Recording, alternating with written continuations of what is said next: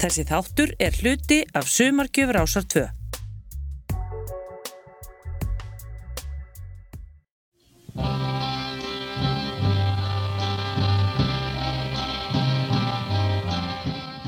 The Velvet Underground og allt gengi Andy Warhols fór til Kaliforníu voruð 1966 um sama leiti og bananaplatan fræga var tekin upp.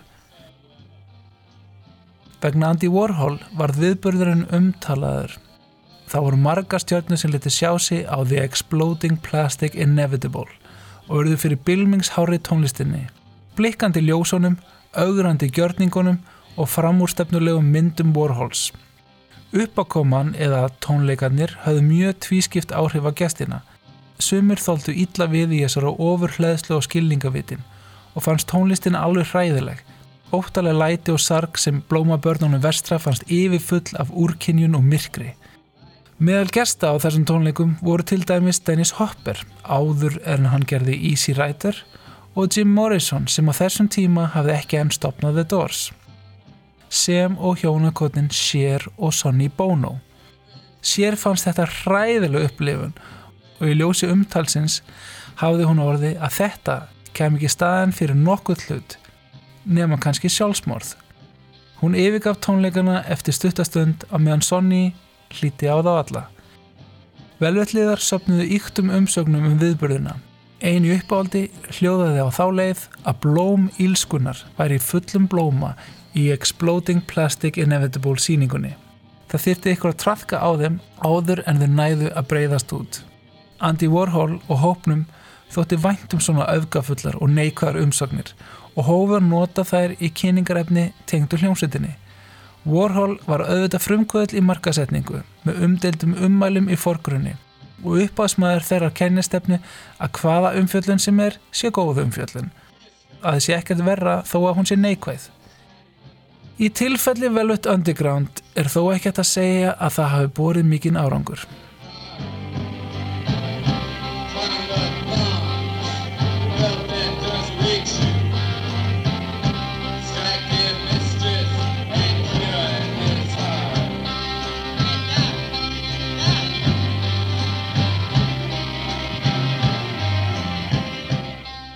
Mánaðalanga vera Exploding Plastic Inevitable í The Dome í New York voruði 1966 skilaði ágættum tekjum enda fullt all kvöld og var því fjármagn til að skella The Velvet Underground í hljóðver.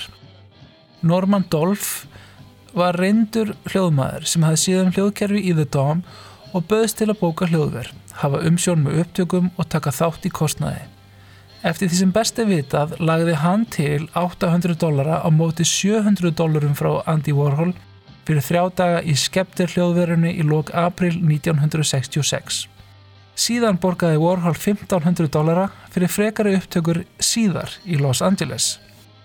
Dolph fekk greitt fyrir sinn hluta í list frá Warhol. Um 1975 vantaði hann pening og seldi verkin á 17.000 dollara. Hann var því lengi vel sá að eini sem fekk eitthvað greitt fyrir plötuna en hefði geta ávaksta vinnuna enn betur hefði hann beði lengur með að selja. Á þessum tíma var meðal upptöku kostnæðar á plötu um 5.000 dólarar og sem dæmum á nefna að Frank Zappa og The Mothers of Invention tóku upp sína fyrsta plötu Freak Out á svipum tíma fyrir 21.000 dólara. Síðan eru aðrar aukar í gangi hjá Brian Wilson sem notaði 16.000 dólara við upptökur á Good Vibration læginu. En það er önnu saga. Skeptir hljóðverið var sem sagt tiltúla ódýrt, en í mikillir niðurniðslu sem hentaði gróðum stíl The Velvet Underground vel. Tækjakosturinn skilaði ráum hljómi hljómsveitarinnar nokkuð ósíðum en það var Andy Warhol sem var ákveðin í því að þau skuldi reyna að halda í sama hljóð og hann þekkti frá því þegar þau komið fram. Hann er skráður upptökustjóri eða prodúser á plötunni en hafði ynga reynslu nýja tæknilega kunnáttu til að sinna því hlutverki á hefðbundin máta. Hans nálgun var því sem stuðningsmaður og fagufræðilegur áttaviti. Haldið inni öllum ljótu orðunum, sagðan, og tólkaði bandi það sem heildræna pælingu, sem kvartningu til að halda inni öllum ljótleika, bæði í textum og hljóðum. Ofta tíðum er það hlutverk upptökustjóra að gera tónlist vinsældavæna.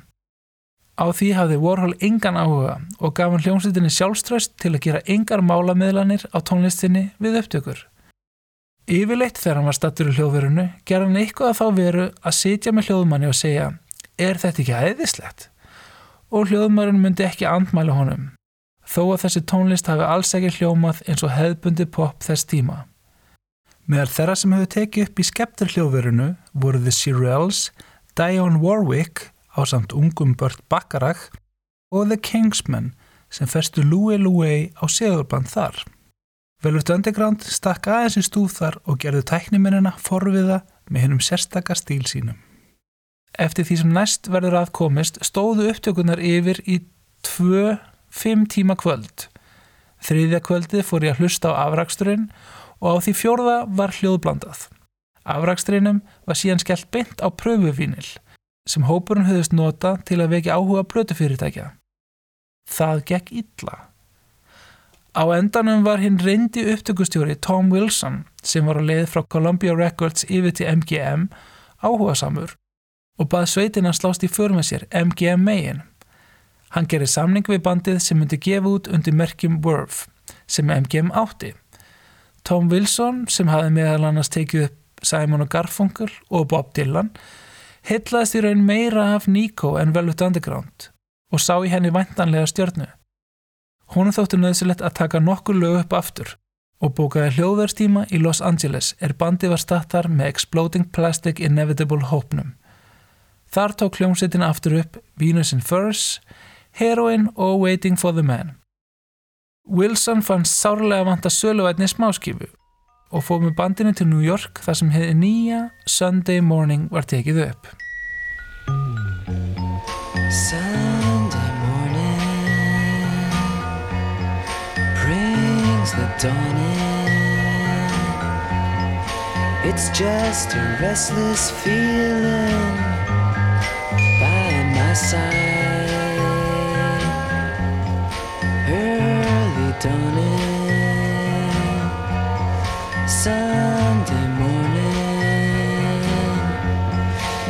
Just the wasted years so close behind. Watch out, the world's behind you. There's always someone around you who will call.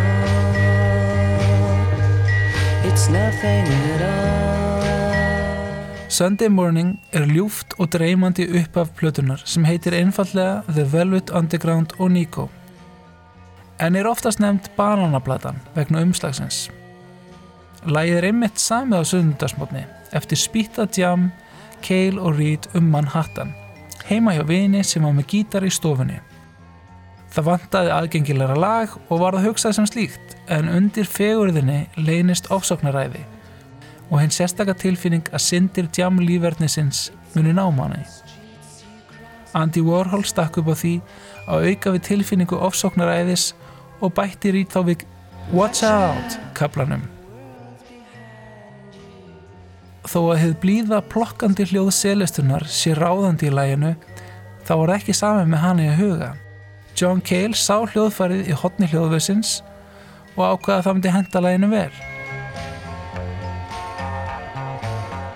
Tom Wilson ætlaði Nikolæð. Hún þótt hún þurfa að syngja meira, hún söngði á tónleikum og hún var skráð í upptökuplanið sem söngari. Í klassískum Lou Reed stíl þá beigð hann með að láta alla vita að hann myndi sjálfur syngja fram á síðustu stundu. Hann tilkynnti það að hann ætti lagið, þetta veri smáskifa og hann ætlaði að vera á henni, svo söng hann lagið, undur blít og kvönlega.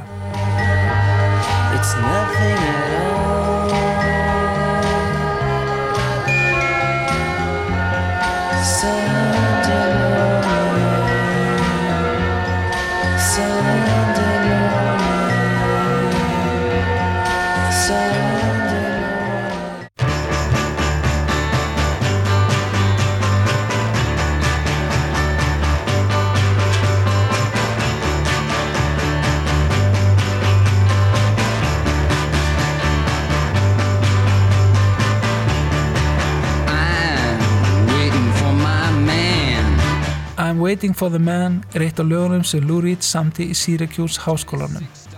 Læði fjallar um neytanda sem fer í ferð til Harlem í New York til að kaupa dagskamtinn sinn. Eftir vendingu kaupandans er gerð góð skil með hamrandi áttunduparts áherslum í læginu. Trommurnar, píanóið og bassin hjakka áfram sem gefur læginu stressaða og órólega stemningu.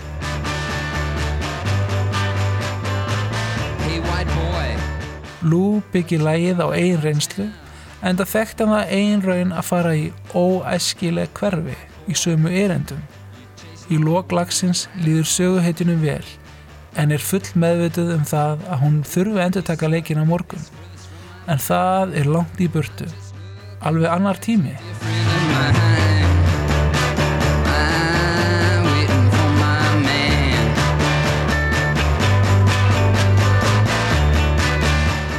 Lægið var tekið upp í Sunset Highland hljóðverðinni í Los Angeles en Tom Wilson fannst upprunnilega upptakan alls ekki nógu kjötmikil.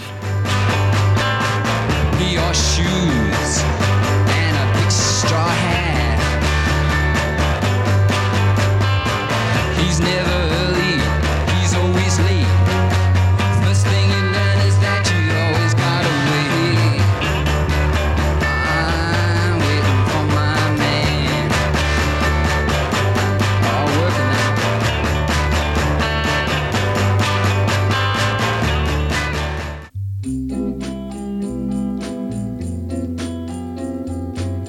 Edie Sedgwick var einn helsta stjarnar Andy Warhol á þessum tíma. Velstæð og fögur inn í ringiðu listalífs New York og fór á endanum illa út úr því. Andy Warhol stakk upp á því við Reed að hann gerði lag um hana. Ó Lou, finnst þér hún ekki vera femme fatale? Lou Reed var alltaf duglegur að sjúa í sig stemninguna og skilaði þessari fallegu balluðu sem hentaði Nico mjög vel. Sangat henni á að bera fram femme fatale upp á franskuna en eins og skólaprakkarar gerur Sterling og Reed í því að syngja það á móti og leggja áherslu á femme fatale í bakgröðunum. the things she does to please. She's just a little tease. See the way she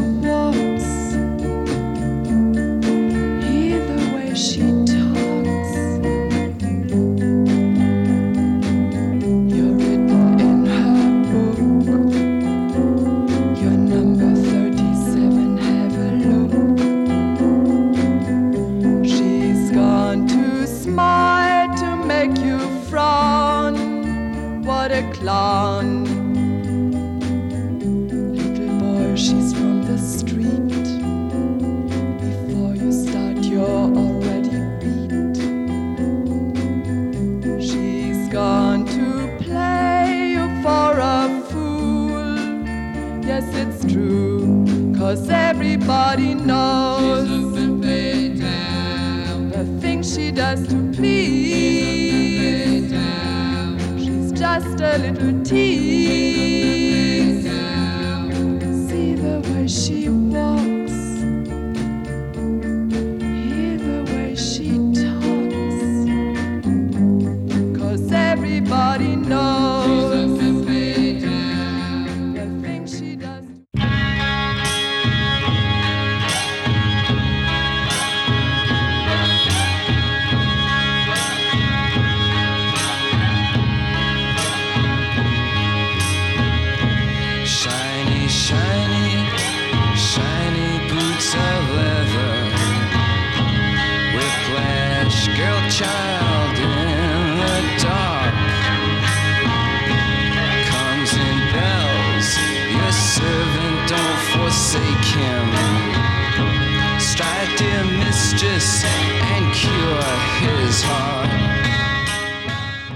Venus in Furs er samið út frá samnefndri skáldsögu Leopolds von Sacher Masoch.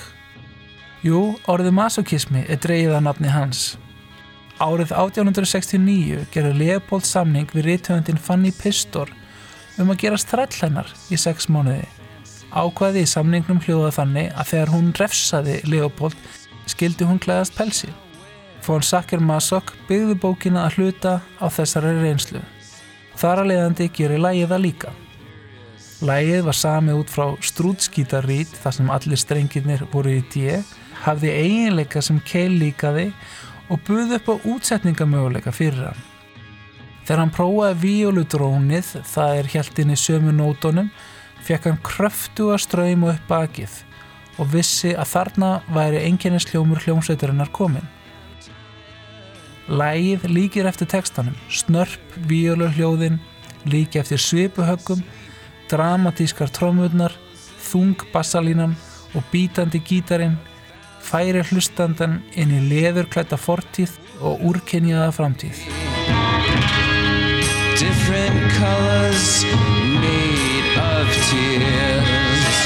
Sterling Morrison taldi hljómsveitina aldrei komast nær sínu fullkomna hljóði en í þessu uppáhaldslægi sínu með sveitinni.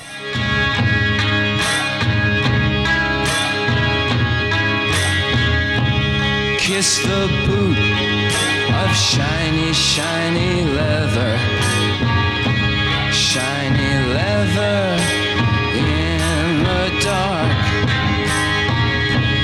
Tongue the thongs, the belt that does away.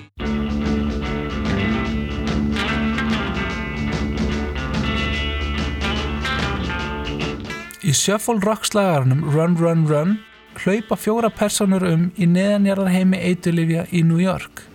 Hver karakter fær sitt erindi. Teenage Mary, Teenage Mary, Margarita Passion, Seasick Sarah og Beardless Harry. gonna take a walk down Union Square. You never know where you're gonna find there. You gotta run, run, run, run, run. Take a jacket too. Run, run, run, run, run. Death in you. Tell you what to do. Lou Reed átti auðvöld með að semja hratt, spinna á staðinu jafnvel og er læðið samið á umslag í bílferð á leið að Bizarre haustið 1965. Hljómsveitina vantaði meira efni á prógramið og Lou var ekki lengi að rætta því. Went to sell her soul. She wasn't high, didn't know. Think she could buy it. She would run, run, run, run, run. Take a jacket too. Hér er búið uppfara gullaldarokk í anda Chuck Berry að bítandi beittum gíturum velvelliða með tilheyrandi framúrstefnu í sólóun.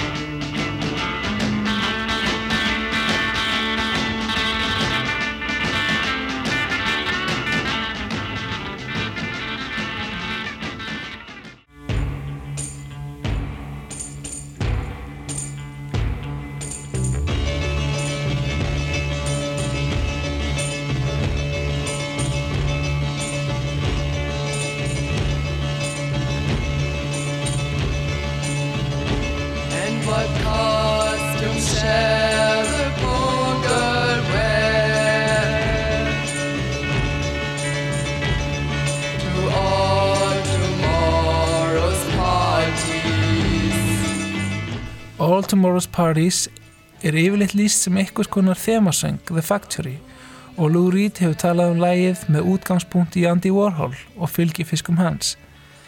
Það er þó ekki rétt það sem lægið var fyrst tekið upp hálfu ári áður en Velvet Underground gekk til leys við Warhol. En það er auðvitað á löll og upptökunum sem voru gerðar í júli 1965. Að Sub Cale er lægið samið um konu að nafni Daryl sem Lou og John höfðu báðir átt vingott við. Sue var í sambandi á sama tíma og fekk Cale að finna fyrir nefum maka hennar sem kom óvænt heim á meðan Reed hljóp hrættur í burtu að sögn Cale. Enga síður spegla lægið klassískar kvennstjörnur Warhols sem lifa fyrir helgina en gráta á sönnudegi. Í læginu hamrar Cale píanóið á taktvissan hátt með nefunum. Þessi endurtekningasami naumhyggju stíl var undir áhrifum eins tónskálds sem Cale hafði unnið með, Terry Riley, og er í læginu Breytt Piano eða Prepared Piano þar sem Cale setti brefaklemur í bandi á píjónustrengina til að búa til grottalegra hljóð sem hentaði þessu rithmiska stefi. John Cage var þekktu fyrir að beita þessari tækni í sínum verkum og vafalest hefur Cale nælt sér í hugmyndina þegar hann vann með tónskáldinu. Share the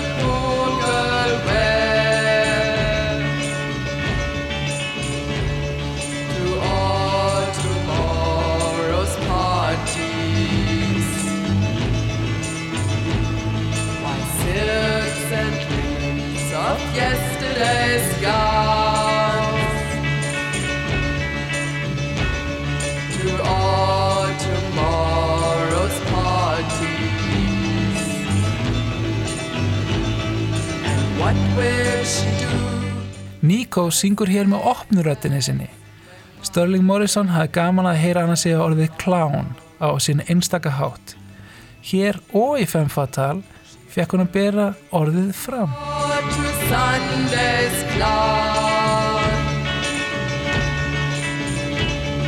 and cry behind the door. Þetta er uppáhaldslag Warhols með sveitinni og gott dæmi um hvernig hljómsveitin gæti notað útsetningar til að hljóma alveg einstök.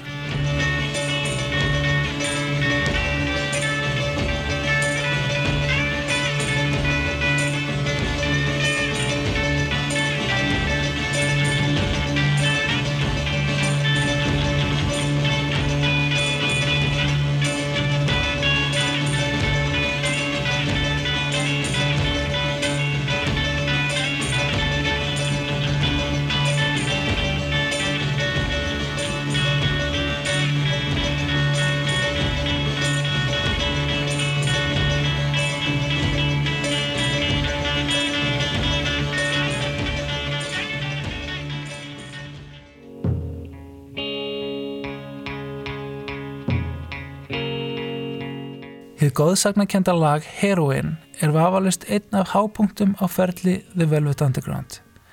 Tekstinn um neytandan sem eldist við eitthvað sem hann getur ekki lýst er hlutlaus sín á personu sem hefur eitt markmið, næsta skamt.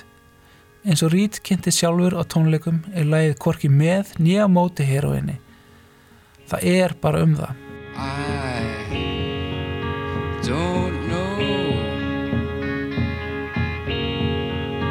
Just where I'm going.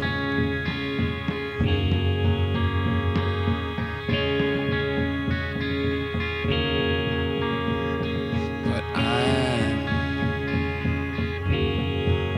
gonna try for the kingdom if I can. Cause it makes me feel like I'm a man when I put a spike into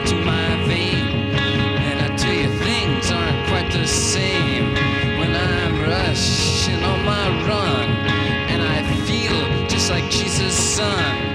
And I guess that I just don't know. And I guess that I just don't know. Hættur efnisins eru tíundaðar. Útsetningin og hljómur lagsins ítir undir það. Þetta var fyrsta lagið sem hljómsveitin ákvað að gæti haft drónvíólu eins og Cale hafi framkallað með tónskaldinu La Monte Young. Lagið inniheldur einungis tvo hljóma, D og G og leggur gróf víólan, dullmagnaðan og dáliðandi seyðing í gegnum all lagið, miskraftmikill, líkt og áhrif efnisins í blóðrás neytandans sem eru mismikil eftir ástandi me.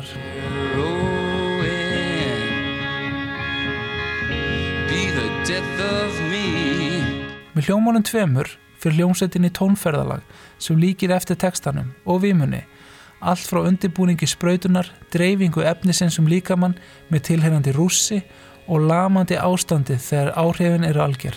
It's my wife and it's my life because a mena to my vein leads to a center in my head and then I'm better. Eins og í flestum lögum plötunar er slakað á strengjum gítarana um heiltón sem gefur annað gítar hljóð. Hann missir aðeins blíðileika og tónlengt. Þessi slöku strengir gefa plötunni allri grófari áferð. Það er ekki bara vegna þessa sem strengirni voru losaðir. John Cale notaði ekki hefðbundna mjúka víólustrengi heldur blöndu af rafgítar og mandolínstrengjum sem eru mun stífari og því betra fyrir hljóðfærið að vera ekki of spennt. Viðkvæm víólan geti svignað undan spennunni. Nóg gróist þessi strengir ofan í söðlinn undir strengjunum og því betra að slaka var lítið á þeim. Þegar John Cale prófaði þessa strengi fyrst með víóluna tengda við kraftmikinn gítamagnara sem hann leik með á tónleikum þá myndi hljóðið hann á þóttu og má vel heyra hversu ágengt og kraftmikið hljóð Cale gætt framkallað með þessu móti þegar lagið nær hábúndi.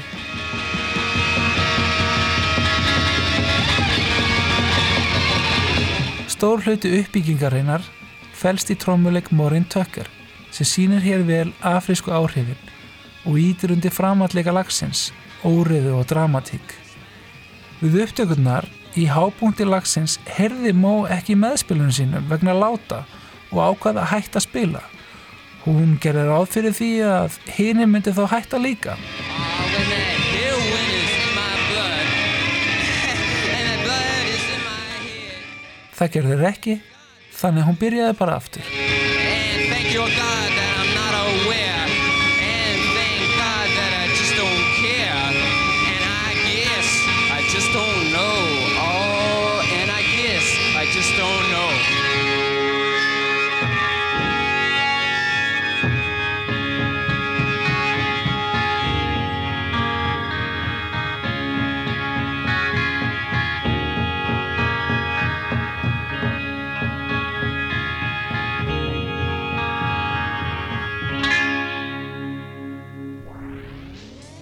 Árið 1959 fengu allir sem fór í raflósmeðferð í hennu skuggalega geðsjúkrahúsi Creedmoor í Queens nákvæmlega sama rafstyrkin, burt séð frá líkamsbyggingun.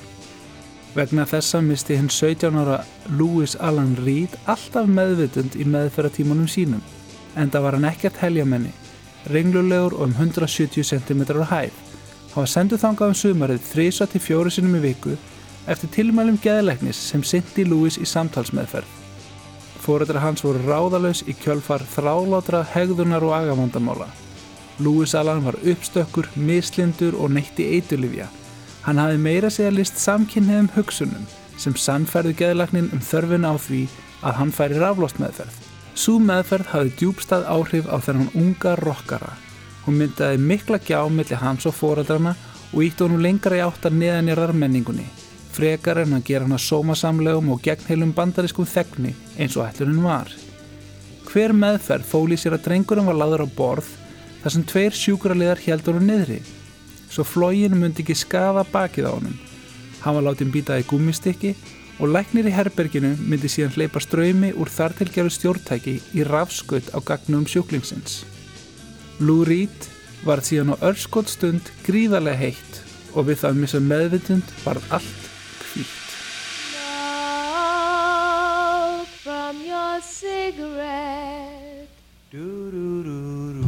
Clouds Sidney og Toby Reed egnuðist Louis Allen 2. mars 1942 í Brooklyn. Fjölskylda Sidneys fluttist til bandaríkjana frá Rúslandi um aldamótin 1900 og breytti hann eftirnafni sínu úr Rabonovich í Reed til að aðlaðast enn betur nýja landinu og minka ykkur leiti augljós tengsl ættanapsins við gýðingatrúna. Fóreldra Lou voru klassískir millistjættar bandaríkja menn eftirstrís árana. Sidney starfaði sem endurskoðandi og þau voru duglega að njóta menningar samhliða lífskeiða kapplaupinu. Fyrsti hluti skólagöngu Lou var í Brooklyn og þá strax átt hann erfitt uppdráttar félagslega. Hann síndi snemma einkenni félagsfælni og átti til að fá kvíðakvöst. Æska Lou einkendist að þessu og snemma þróa hann með sér Brynju töffaraskapar og minnfísni. Það skildi enginn toppa hann og nýtti hann gáður sína til að hæða þá sem augrúðunum eða sem hún fannst eigað að skilja.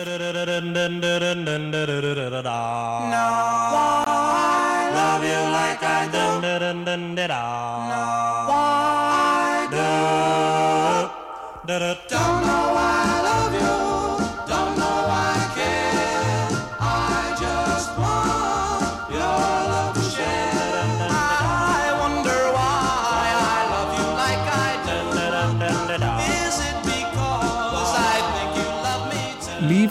breyttist þegar hann heyrði rock og ról í útvarpinu. Hann saði síðar að fyrir sér hafi raun ekki verið líf á plánitinu fyrir þann tíma. Hann fann tilgangi í rockinu og ferði sig úr píjónaspili yfir á gítarinn. Hann lærði að spila með því að leika með lögum í útarpinu og bjóð snemma til einkennandi gítarstíl sem var rithmískur ákveðin og einhverju leiti líku persónu hans, bit mikill. Fóreldra hans stuttan í tónlistarsköpun upp að vissu marki og leiði ekki að laungu það til lúfa komin á fullt í dúap hljómsettir með tilherrandi spileri á ymsum stöðum í New York.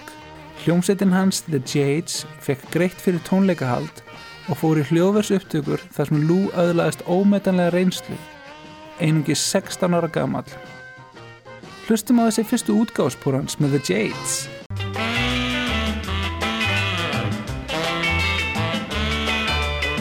Hér er bútur úr fyrsta læginu sem var So Blue. Walked down to your house last night, see if you were home. Found out that you'd gone out, and I was all alone. So blue, so blue, so blue. I'm always crying over you. So blue, so blue, crying over you. Went to store, but you weren't there. Somehow I knew deep down that you weren't fair. So blue, so blue, so blue, so blue. I'm always crying over you. 1958 tók The Jades líka upp ástsjúkarlægið Leave Her For Me. Hér má heyra strax í beittum og hörðum penna Lou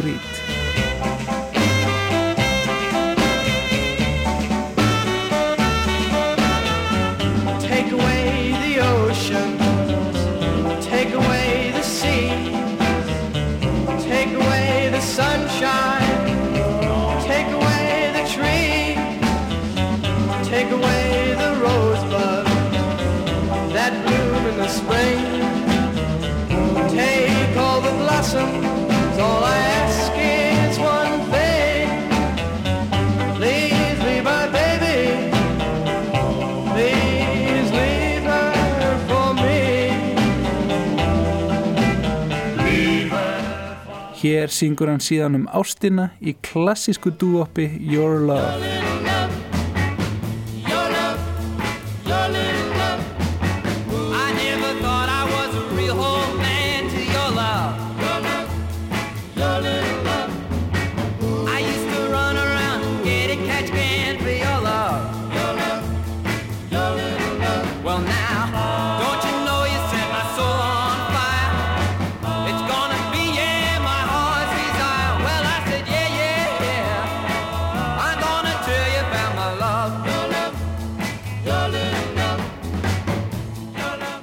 Hér aðeins úr öðrulega af sömu stuttskífunni Merry-Go-Round um dömu sem hegða sér eins og ringekja í augum söngvarans. Eitthvað að þvælast út um allt í vittlesu.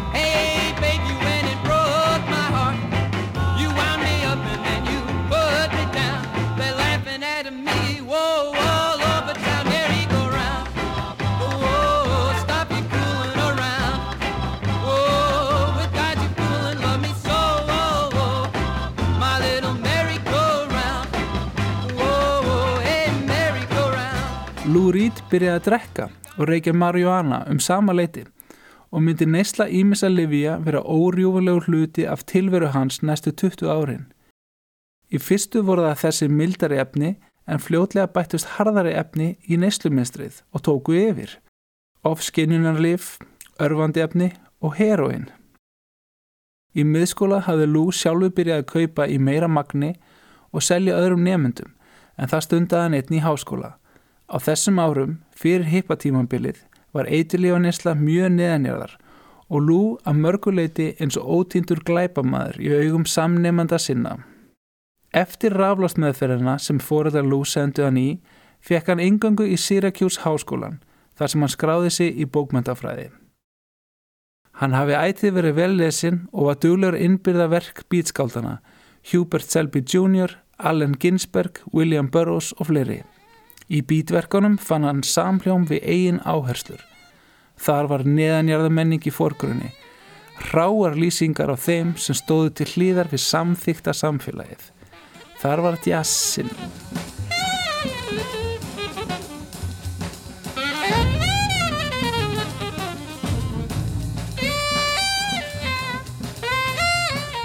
Lou hafði fundið á eiginskinni þann kraft sem dúop og rocktekstar gáttu haft og einsetti sér að innlega bókmyndalegan og beinskittan stíl í eigin lagatekstum.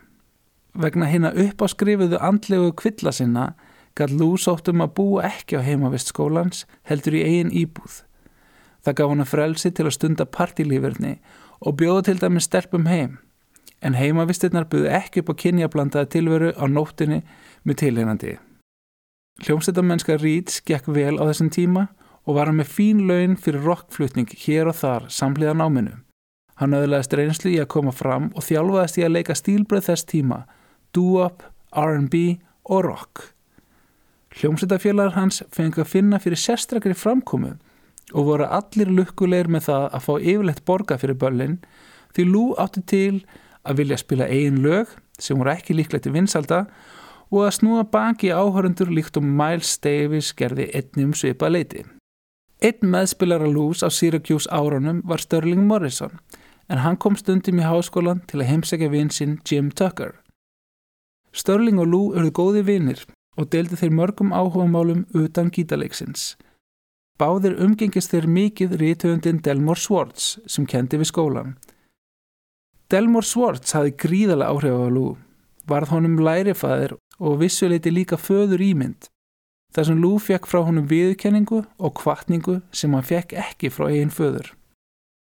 Delmore Swartz var einn af uppafsmönnum nýrar bókmentabilgju fyrir áöldinni sem innihjalt kanónur eins og Vladimir Nabokov og T.S. Eliot. Hann mátti hins vegar muna fívilsinn feguri og mætti raun lýsa sem útbrönnum alkohólista sem sapnaði kringum sig áhrifagjörnum nefnundum í Syracuse. Þar sátur nefnar eins og Lou og Störling og hlustu á sögur Delmors af öðrum sérfrægari reythöndum sem hann þekkti. Delmor leitt niður á rockið sem mögulegt tjáningaform en Lou var ákveðin í því að sanna sig sem þann sem geti breytt því.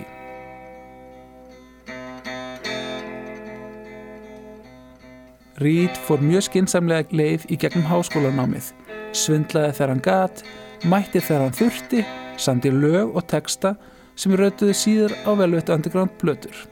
Hann útskriðaði síðan með láði í júni 1964.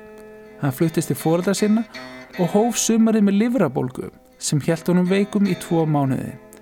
Þetta var korki í fyrsta skipti sem fekk livrabólgu við það að deila nálu með samneitundum sínum nýða síðasta.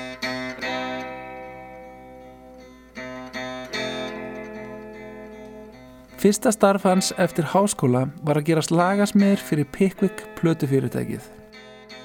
Þar var hann hluti af teimi sem dældi út lögum sem líktu eftir þeirri tónlist sem var vinsæl hverju sinni. Eitt daginn væri það surflög, Detroit Soul þar næsta og svo alltaf drifið í hljóðverð þar sem Lou og fleiri myndu taka þau upp í snadri. Á þessum tíma voru neytendur ekki endilega sérlega upplýstir og grunlausir fóreldrar kiftu aðalega blötur handa úlingunum eftir nýjustu strömmum. Pickwick gaf því grætt ágætlega á því að skálda hinn ímsu hljómsættunöfn á verk Reeds og félaga. Hér maður heyra dæmið þetta. Hljómsættunöfnið Beach Nuts flytur lagið Cycle Annie.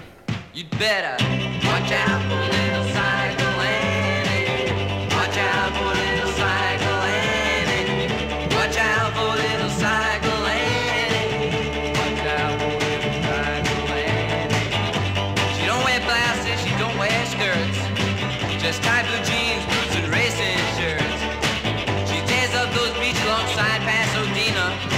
Little cycle Annie, they just don't come any meaner. Y'all better watch out for little cycle for Og Roughnecks spila hér You're Driving Me Insane.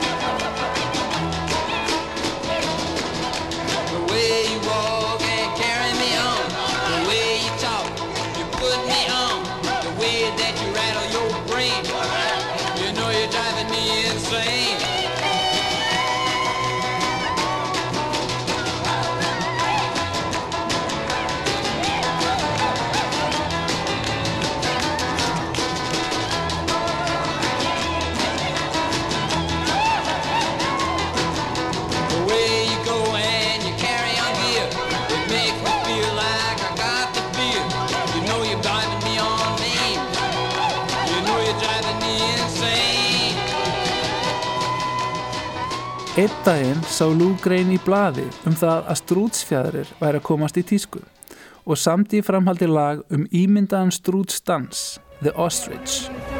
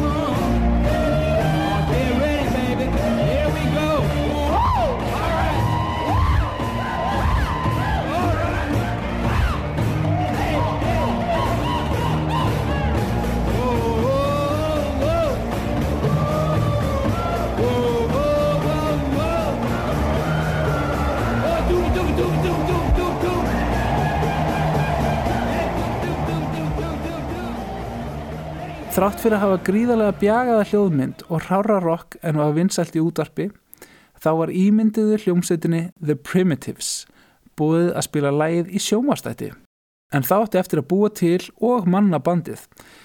Einn Pickwick Refur var stættur í teiti á samt nokkrum meðlumum The Dream Syndicate sem liti út fyrir að geta verið í rockljómsveit og var því búið í bandið. The Dream Syndicate var hópur tónlistafólks sem leik verk eftir naumhyggju tónskáldið Lamonte Young. Meðal þeirra var jafnaldi Lou Reed, síðhærði velski víóluleikarin John Cale. eyeball cutting out the flame at the top of the altar which was revealed by Cale þótti undrabann í klassískri tónlist, leik eigið verk á piano í BBC 13 ára gamall og fluttist ungu til New York í nám undir handleðslu tónskálsins Aaron Copland með fulltingi Leonard Bernstein námstyrks. Hann flutti fljótlega verk í samstarfi með John Cage og kynntist lista elitu í kringum fluxus tónskáldið Lamonte Young sem hann heitlaðist af. Lamonte Young vann með dróntónlist að austrætni fyrirmynd þar sem flýtjendur halda sömu nótónum í langan tíma.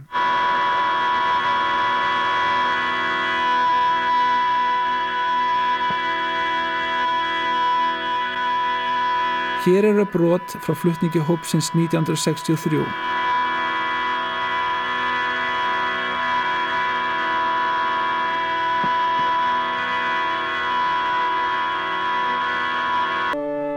Meðal verka sem Keil samdi var verk þar sem hlustendur áttu að elda vindin eftir ákveðnum reglum og verk þar sem öskrað var að blöndu. Það því óhætt að kalla John Cale sjóaðan í allri vinnu með hugmynda og konceptlist.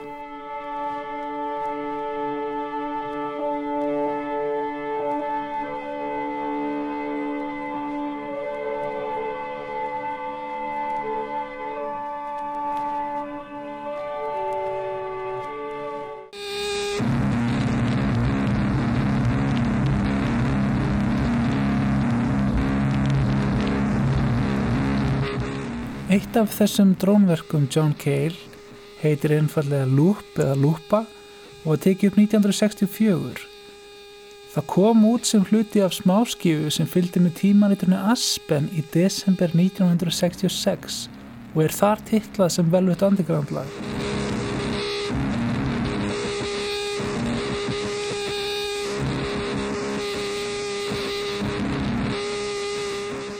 John Cale var bæði síðharður og með fagran velskan talanda sem var mjög móðins á þessum tíma en það ekkert svalara en breska rock innrásinn sem sagt fullkominn bassarleikari í hinum uppdiktuðu The Primitives.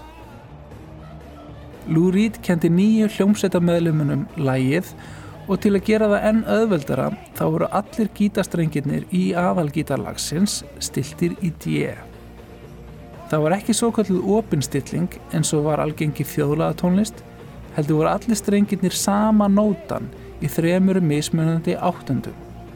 John Cale fannst magnað að þessi ungi rockari var að vinna á svona framústefnulegan máta og heitlaðist samstundis af Lou. Eftir dálitla spilamennsku sem leiti skamt, listist The Primitives upp. Þeir fóru að verja æmeri tíma saman. Lou leiði John að heyra alvöru lögin sín sem sá síðanemdi sá að hafðu mikla möguleika og geti þróast með viðbótum úr vopnabúri sínu. John Cale hafði litla þekking á rocktónlist þannig séð og hafði óbeitt á þjóðlaða tónlist þess tíma en heyrði að með tekstunum sem Reed hafði gert og þessum hráu lögum væri þarna komin vettvangur sem hann getið þróað og komið eigin áherslum lengra en í henni afmörkuðu lista elítu sem hann var hlutið af. Ásamt því að eiga saman á listasviðinu þá áttu Cale og Reed einni samleið í miður göfum aðtöðnum. Cale hafi fengið að kynnast ýmsum eiturlifjum sem Lamonte Young bauð upp á. Hann seldi einmitt fyrir tónskáldið en The Dream Syndicate var meðal annars fjármagnað með eiturlifasölu meðlima. Reed kynnti Cale hins vegar fyrir nálinni. Áttu þeir snemma nánastönd þegar Lou spröytaði John í fyrsta skipti með heroin í æð. Í kjölfærið deildi þeir einni livrabólgu sem betni afleðingu. Þeir félagar bættu slagversleikarunum Angus MacLeish úr The Dream Syndicate í bandið sem á þessum tíma kallaði sig The Warlocks og reyndar stundum líka The Falling Spikes Þeim þótti Spikes skemmtileg skýrskotun í nálarnar sem þeir þekktu vel. Lou rakst á félaga sinn frá háskóladöfunum Sterling Morrison einn daginn í neðanera lest og bauð honum líka í bandið sem var þá full mannað. Morrison, jafnaldri Cale og Reed, byrjaði ungur að leika á trompet en skipti yfir í gítarin þegar tónlistakennan hans var kvattur í herin. Gítastíl Morrison var rockaður en fáaður sem var gott mótvægi við hráan og skoppandi gítarstíl Lou Reed. Sterling sög ungur í sér rockið og meðal áhrifavalda hans í gítaspili er til dæmis þetta lag Love is Strange með Michael Baker frá 1957.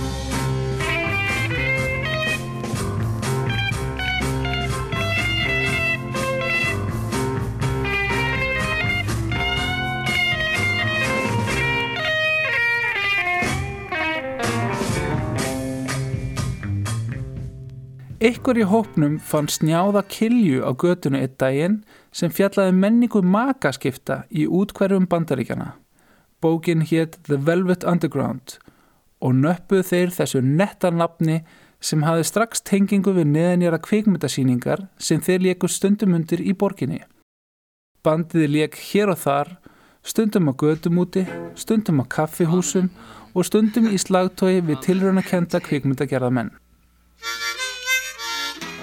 Í júli 1965 tóku Reed, Cale og Morrison upp nokkur lög á Wollensack segumbarnstæki í íbúð Cale á 50 hæð við Löllostræti 56. Þar var korki salerni nýja áreðanlegt ramagskerfi og bar íbúðin merki listamannsins sem þar bjó með tilherrandi óreði. Through all of the highways and byways untraveled Through all of the side streets and alleys of sin. Through all that's been heard, nothing sinks quite as low as the prominent statements of prominent men. Prominent men tell prominent stories. Prominent men tell prominent lies. Prominent men kiss the ass of Dame Fortune. Prominent men will tear out your eyes. Af lögunum sem þið tóku upp rataði Bob Dylanlegi söngurinn Prominent Man ekki lengra hjá þeim félögum. Þetta er hitt þjóðlegasta lag með munnhörpu og gaggrínum texta á heinum mikilsvirtur menn sem stjórna. The streets that are black with the cat's underbelly are lined with the tracks of a thousand goodbyes. A poor woman screams with the heat of disaster as the prominent men sit and straighten their ties.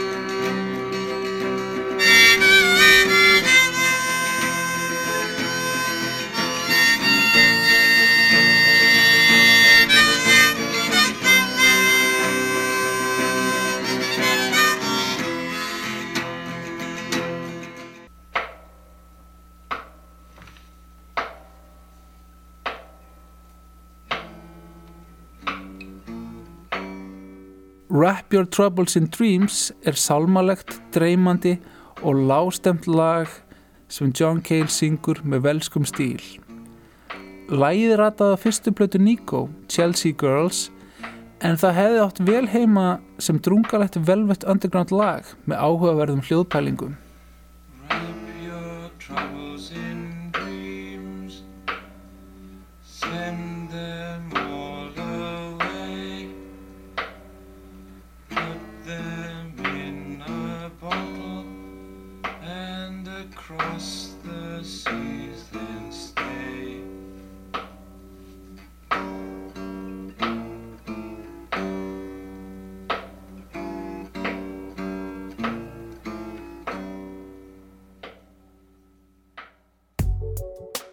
Þessi þáttur var hluti af sumargjöfur ásar 2.